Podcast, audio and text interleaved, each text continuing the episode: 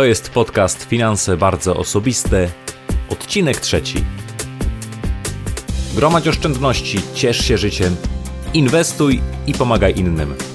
Ja się nazywam Marcin Iwódź, a Ty słuchasz właśnie audycji o zdrowym i sensownym podejściu do życia i pieniędzy. Zaczynamy.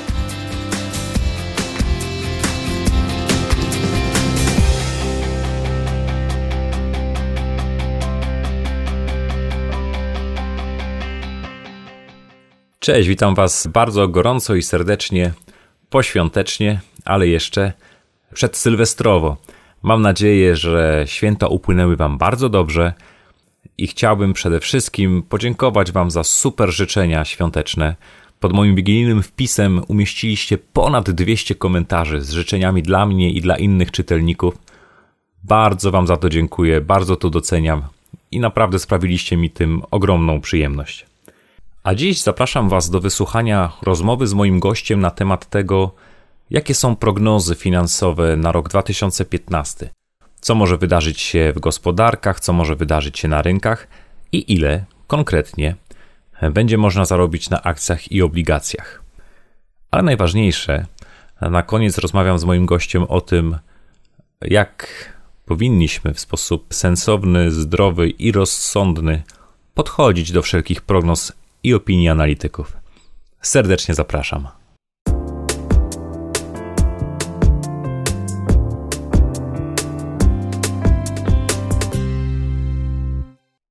Dziś mam ogromną przyjemność powitać mojego pierwszego w historii podcastu Finanse bardzo osobiste gościa. A jest nim Paweł Cymcyk, ekonomista, analityk rynkowy, a od kilku miesięcy prezes Związku Maklerów i Doradców Inwestycyjnych. Witaj Marcinie, witam wszystkich e, słuchaczy. Cześć Pawle i na początku przede wszystkim gratuluję wygranych wyborów w związku. Dziękuję serdecznie, to co prawda jeszcze nie prezydenckie, ale kto wie, może już niedługo. No, jak widzicie, Paweł jest człowiekiem o ogromnych ambicjach. Bardzo dobrze, lubimy i cenimy ludzi ambitnych. Paweł, opowiedz na początku trochę więcej. Powiedz o tym, czym się zajmujesz. A przede wszystkim zajmuję się analizowaniem i komentowaniem tego, co się dzieje na rynkach finansowych, na giełdach, gospodarkach, co się dzieje w makroekonomii, jaki to ma wpływ właśnie na te wszystkie zmiany akcji, obligacji, surowców, walut, wszystkiego, co można sobie wymyślić. No i mam przyjemność robić tak już od ponad 8 lat. No i do tego mam jeszcze licencję maklera papierów wartościowych z uprawnieniami do doradztwa inwestycyjnego i licencję CFA, czyli takiego, można powiedzieć, międzynarodowego doradcę inwestycyjnego. No i prowadzę jeszcze bloga DNA Rynków, gdzie mówię o tym, co ważne na giełdach, gospodarkach, no i w naszych portfelach. No to może na początku, tak po znajomości, trudne i niewygodne dla Ciebie pytanie. Wspomniałeś, że masz licencję maklera, że masz CFA. Czy Twoim zdaniem takie licencje i certyfikaty sprawiają, że ktoś jest lepszym inwestorem? Myślenie o licencjach i o certyfikatach w tym kontekście, że zrobienie ich sprawi, że będziemy e, świetnymi inwestorami, jest niestety błędne. To posiadanie licencji gwarantuje to, że zdaliśmy egzamin, który raczej sprawdza konkretną wiedzę, ale nie sprawdza takich rzeczy jak e, cierpliwość, e, czy, czy, czy jesteśmy psychologicznie gotowi do podejmowania ryzyka i decyzji inwestycyjnych. Więc same licencje raczej mm, nie dają gwarancji żadnej nieomylności. Co najwyżej e, sprawdzają, że dowodzą, że rozumiemy, co się dzieje na rynkach i w jaki sposób, ale nie to, że będziemy dobrze je za każdym razem prognozować. Zresztą e, sam masz licencję CFA, no i czy przy inwestowaniu jakoś mocno z niej korzystasz? korzystał na pewno z wiedzy, którą zdobyłem, ale zgadzam się całkowicie, że no tutaj jeszcze chodzi jednak o psychikę, o jakąś taką emocjonalną dojrzałość, no i o spokój, przede wszystkim o spokój przy podejściu do inwestowania. I konsekwencje, cierpliwość i konsekwencja to bardzo ważne elementy e, w każdej dziedzinie życia, w inwestowaniu również.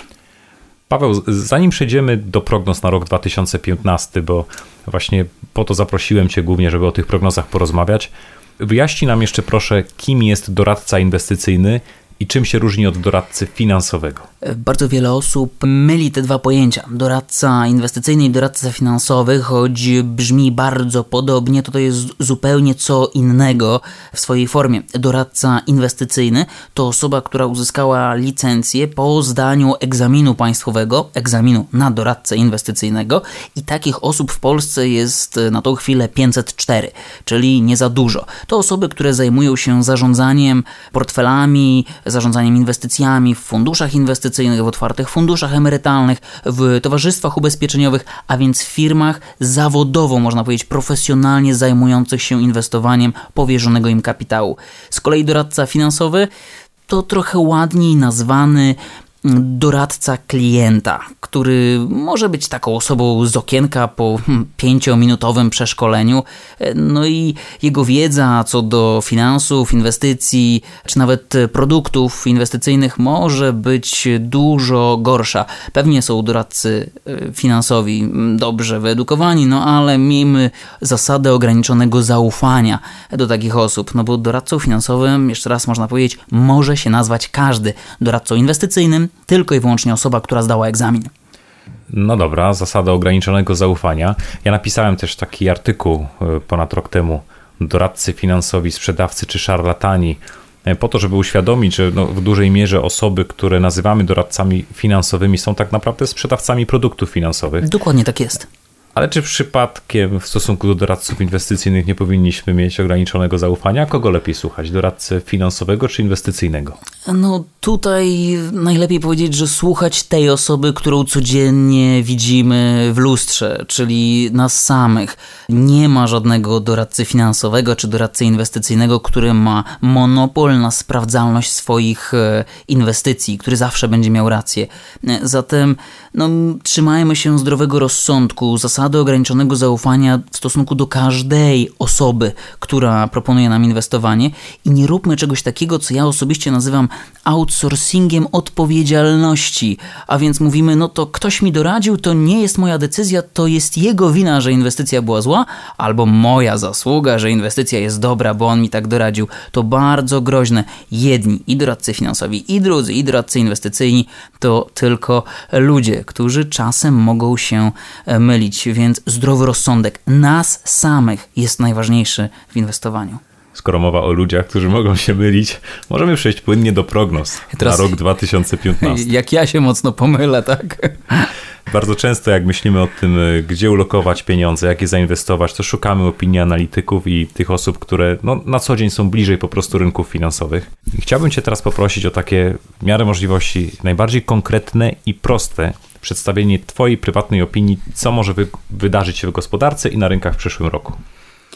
Myśląc o giełdach, gospodarkach na 2015 rok, e, warto przejść tak od ogółu do szczegółu. No i choć lubimy myśleć o Polsce jako takim rynku, który jest najważniejszy, największy z naszej perspektywy, to... Wiadomo, prawie wszyscy inwestują, jeżeli już w akcje, to na GPW, prawda? Na giełdzie, tak, na książęcej. A to nie, to nie jest dobre rozwiązanie, bo giełda polska to jest wbrew pozorom tylko i wyłącznie płatek śniegu w tej całej gigantycznej lawinie, e, którą są rynki finansowe.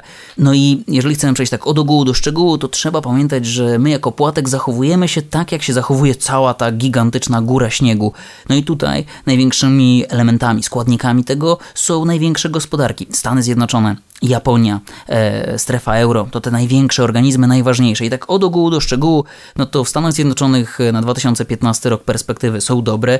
Jest silny wzrost gospodarczy, najwyższy od 11 lat. Mm, w Japonii je, mm, japoński bank centralny również drukuje pieniądze, podobnie jak w, w Stanach niedawno też e, drukował, a więc też jest dobrze, bo tam, gdzie drukuje się pieniądze, tam po prostu wzrost gospodarczy się pojawia, a w Europie na 2015 rok przewidywane jest to, że Europa Europejski Bank Centralny też zacznie, i to już w styczniu, drukować pieniądze. Przez drukowanie rozumiemy pożyczanie ich bankom e, komercyjnym niemalże za darmo, po to, żeby te banki dawały nam kredyty, abyśmy my mogli zasilać gospodarkę tym świeżym, świeżo drukowanym pieniądzem.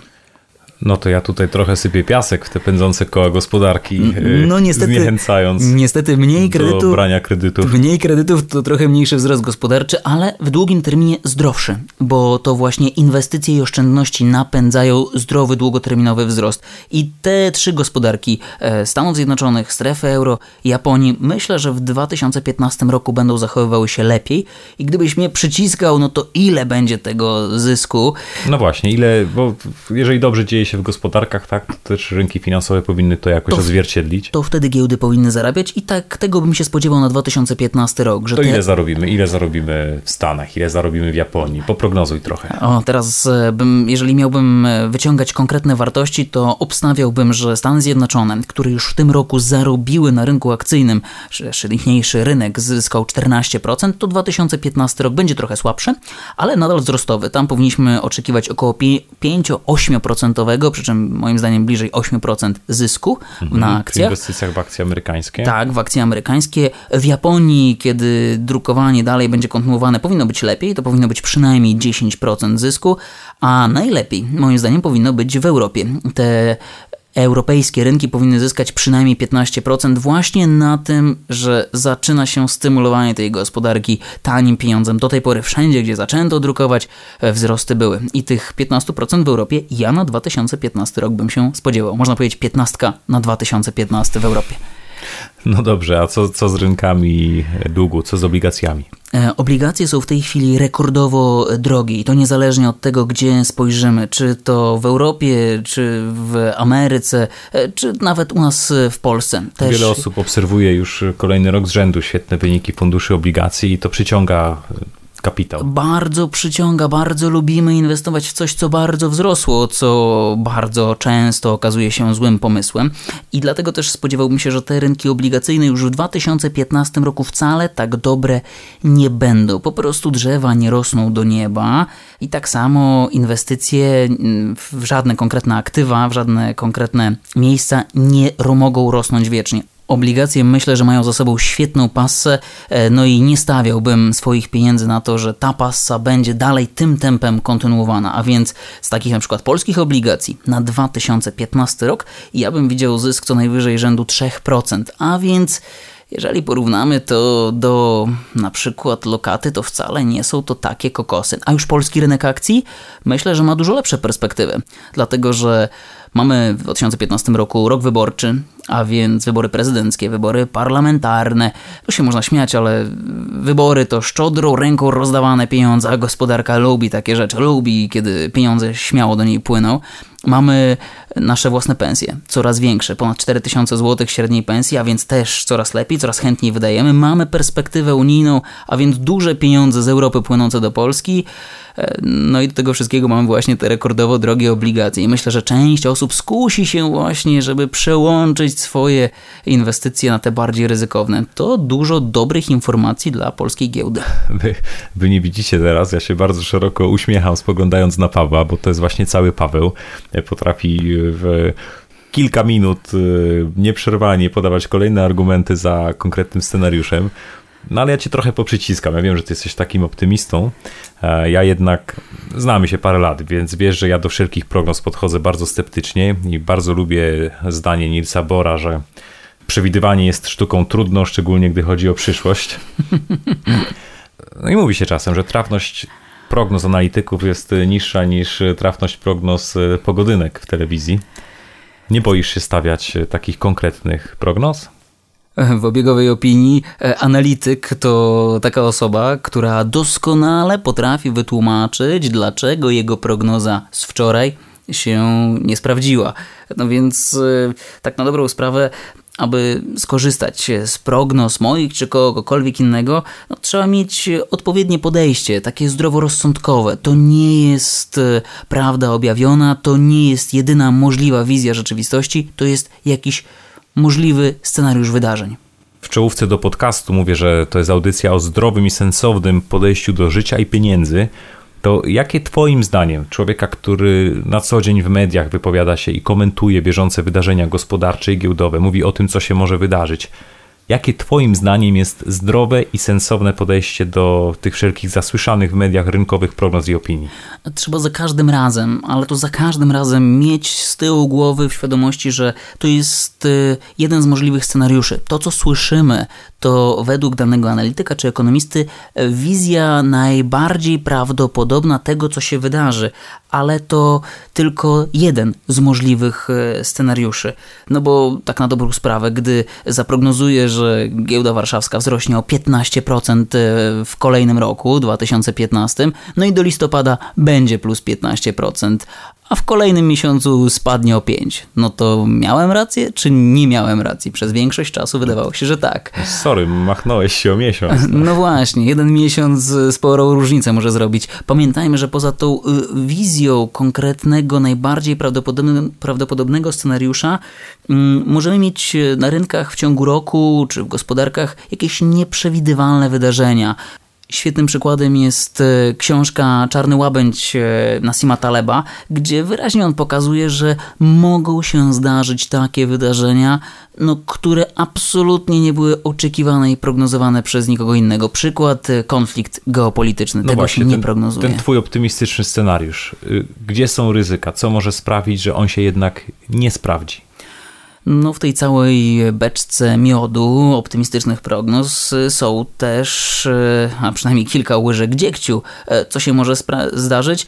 Może narastać dalej konflikt geopolityczny, czyli coś, co będzie odstraszało inwestorów od Polski, co będzie odstraszało mm, inwestorów od polskiej giełdy. Może na przykład Europejski Bank Centralny tak obniżyć stopy procentowe, a wraz z nim Narodowy Bank Polski obniżyć stopy procentowe, że obligacje dalej dalej będą zarabiały, no bo zwyczajnie stopy procentowe będą niższe. Może się zdarzyć tak, że deflacja w Polsce zagości na dłużej e, i zaczniemy się przyzwyczajać do dalej spadających cen, czyli nie będziemy wydawać pieniędzy.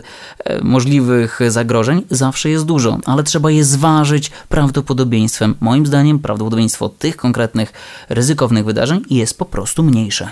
Czyli mówiąc krótko, wysłuchać, przemyśleć, ale wyciągnąć samodzielne wnioski z tych wszelkich prognoz i opinii. Jak najbardziej. E, wysłuchać, przemyśleć i właśnie wyciągnąć swoje własne wnioski i przynajmniej tego trzymać się konsekwentnie. No, a może w ogóle odpuścić sobie słuchanie komentarzy, śledzenie notowań giełdowych. Przecież sam Warren Buffett mówi, że w zasadzie giełdę mogliby zamknąć na 10 lat, to by nie sprawiło mu specjalnej różnicy przy jego podejściu do inwestowania. A no mój ukochany Benjamin Graham w książce Inteligentny Inwestor, rozdział ósmy, mówiący o tym, jak podejść do wahań giełdowych i właśnie prognoz analityków mówi jasno, żeby z dużym, dużym sceptycyzmem do tego podchodzić. No, faktycznie, większość komentarzy w tym długim terminie nie ma specjalnie znaczenia, bo one dotyczą takiej bieżączki, więc w krótkim terminie te komentarze mogą nam pokazywać, co się dzieje e, na giełdach. No ale skoro przytaczasz Grahama, no to ten sam autor w rozdziale 20 tej samej książki pisze o marginesie bezpieczeństwa, a więc, że trzeba mieć właśnie ten zdrowy rozsądek, tego bufora bezpieczeństwa potrzebujemy, aby myśleć o naszym inwestowaniu i żeby dobrze inwestować. No to, no to pięknie, pięknie przerzucamy się numerami rozdziałów. Y, jak widać, nie bez powodu ta książka jest określana mianem Biblii inwestycji. Dokładnie tak. Pocytowaliśmy tak. sobie trochę. Słuchaj, no a może to jest trochę tak, że jak ktoś chce spekulować, inwestować krótkoterminowo, to te komentarze ok, mają sens, no ale jak ktoś inwestuje trochę dłużej na jakiś bardziej odległy cel, no to po co zawracać sobie tymi komentarzami z całym szacunkiem y, głowę? No chciałbym, żeby wszyscy inwestorzy mieli taki, taki horyzont inwestycyjny jak Warren Buffett, czyli co najmniej 10 lat i inwestowali długoterminowo. Niestety dla większości osób inwestycja długoterminowa to każda nieudana, krótkoterminowa. No i wtedy to widać, że za każdym razem próbowaliśmy pospekulować, zarobić, no ale ponieważ się nie udało, no to mówimy, to będzie inwestycja na długi termin. Aby inwestować długoterminowo, nie trzeba się specjalnie napinać na wysłuchanie każdego komentarza, na przeczytanie każdej możliwej opinii o tym, co się aktualnie w tej chwili dzieje na rynku, no bo taki portfel, w którym ty na przykład inwestujesz e, dla dzieci, co pokazujesz swoim czytelnikom, no właśnie jest takim przykładem inwestowania w miarę na chłodno, bez emocji, z planem, a więc e, z unikaniem tego wszystkiego, co jest na co dzień, tego szumu medialnego, tego e, natłoku informacji, które mogą co najwyżej przygniatać. No ale jeżeli chcemy spekulować i reagować bardzo szybko, no to musimy być na bieżąco. No i wtedy nam są potrzebne te komentarze, codzienne informacje, no i bardzo dużo czasu, bo tych informacji na rynku jest naprawdę mnóstwo. No właśnie, ja mam trochę takie podejście, że większość z nich to jest po prostu szum. To jest zwykły szum, który nie ma specjalnie znaczenia w, przy takich inwestycjach długoterminowych. Paweł, a co byś doradził czytelnikom mojego bloga? Jak Twoim zdaniem powinniśmy inwestować?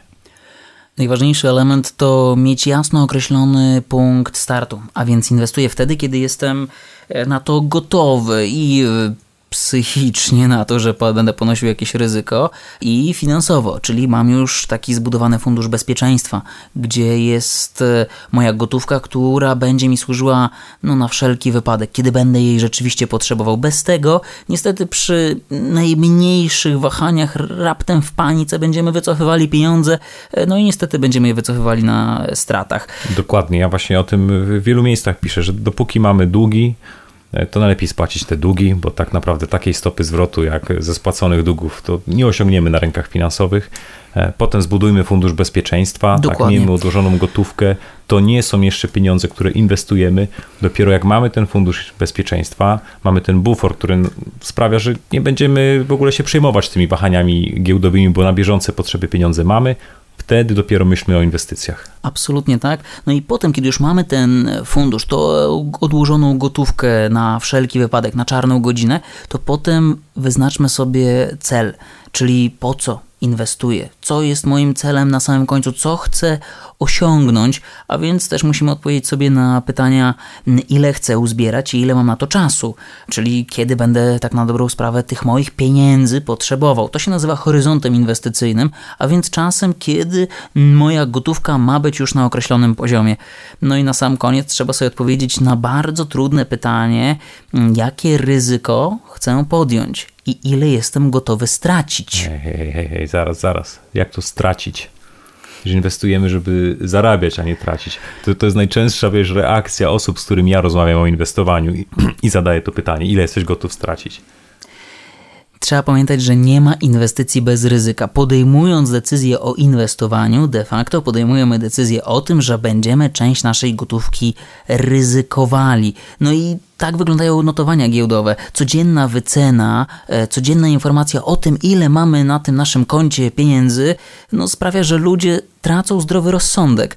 E, no taki przykład chociażby domu, w który e, też inwestujemy, bo go kupujemy, no to nie sprawdzamy codziennie, ile on jest wart, gdybyśmy chcieli go sprzedać. No bo to doprowadziłoby nas do szaleństwa, gdybyśmy widzieli, że jednego dnia jesteśmy o te paręnaście tysięcy bogatsi, a już za tydzień jesteśmy paręnaście tysięcy biedniejsi czyli tu nie sprawdzamy codziennie ceny, a już na giełdzie możemy.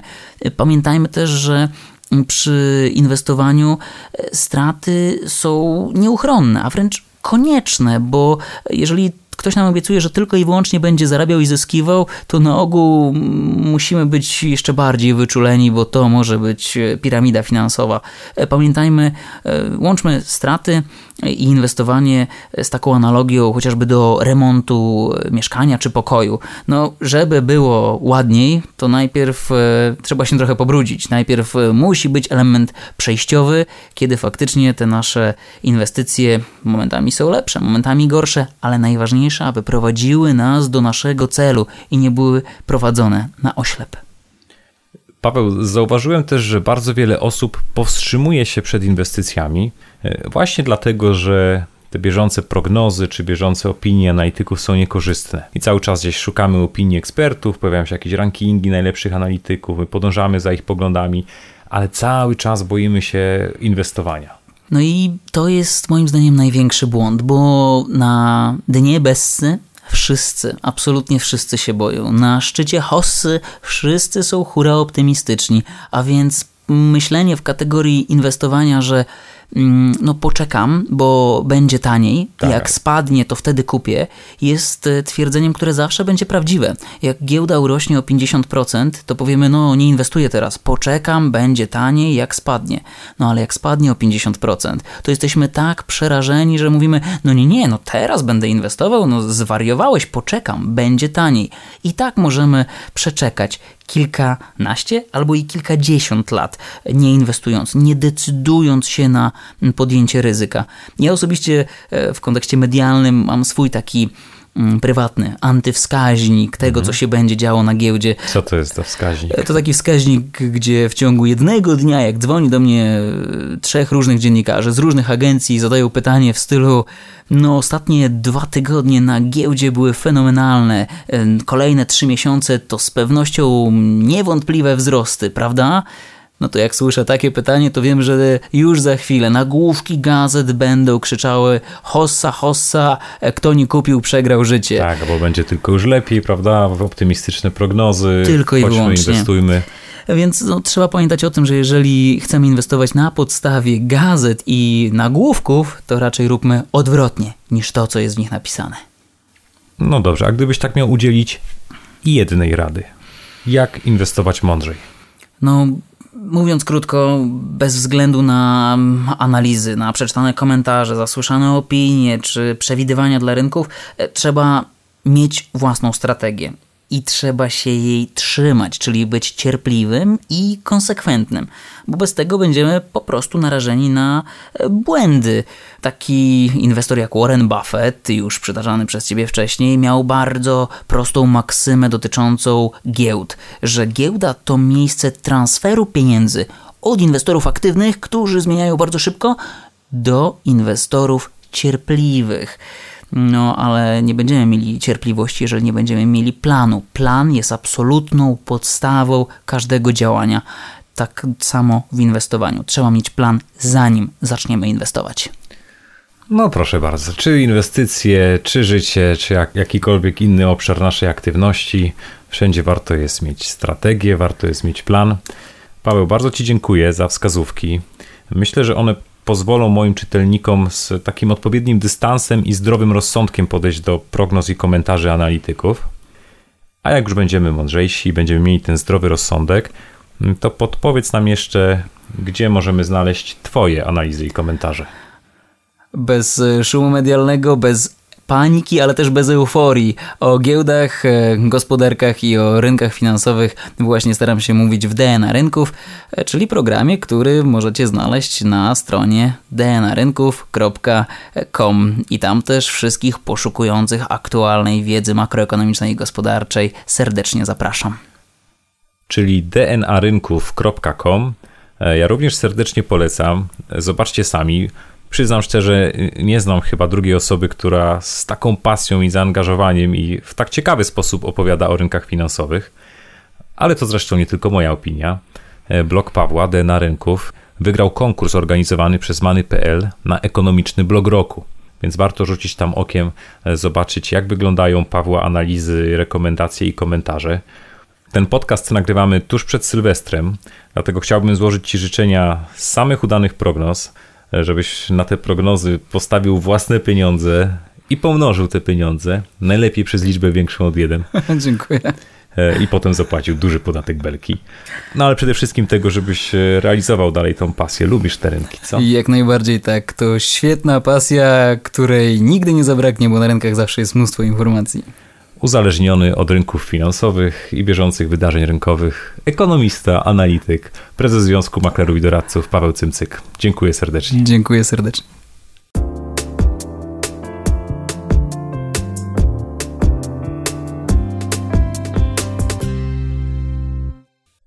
I to tyle na dziś.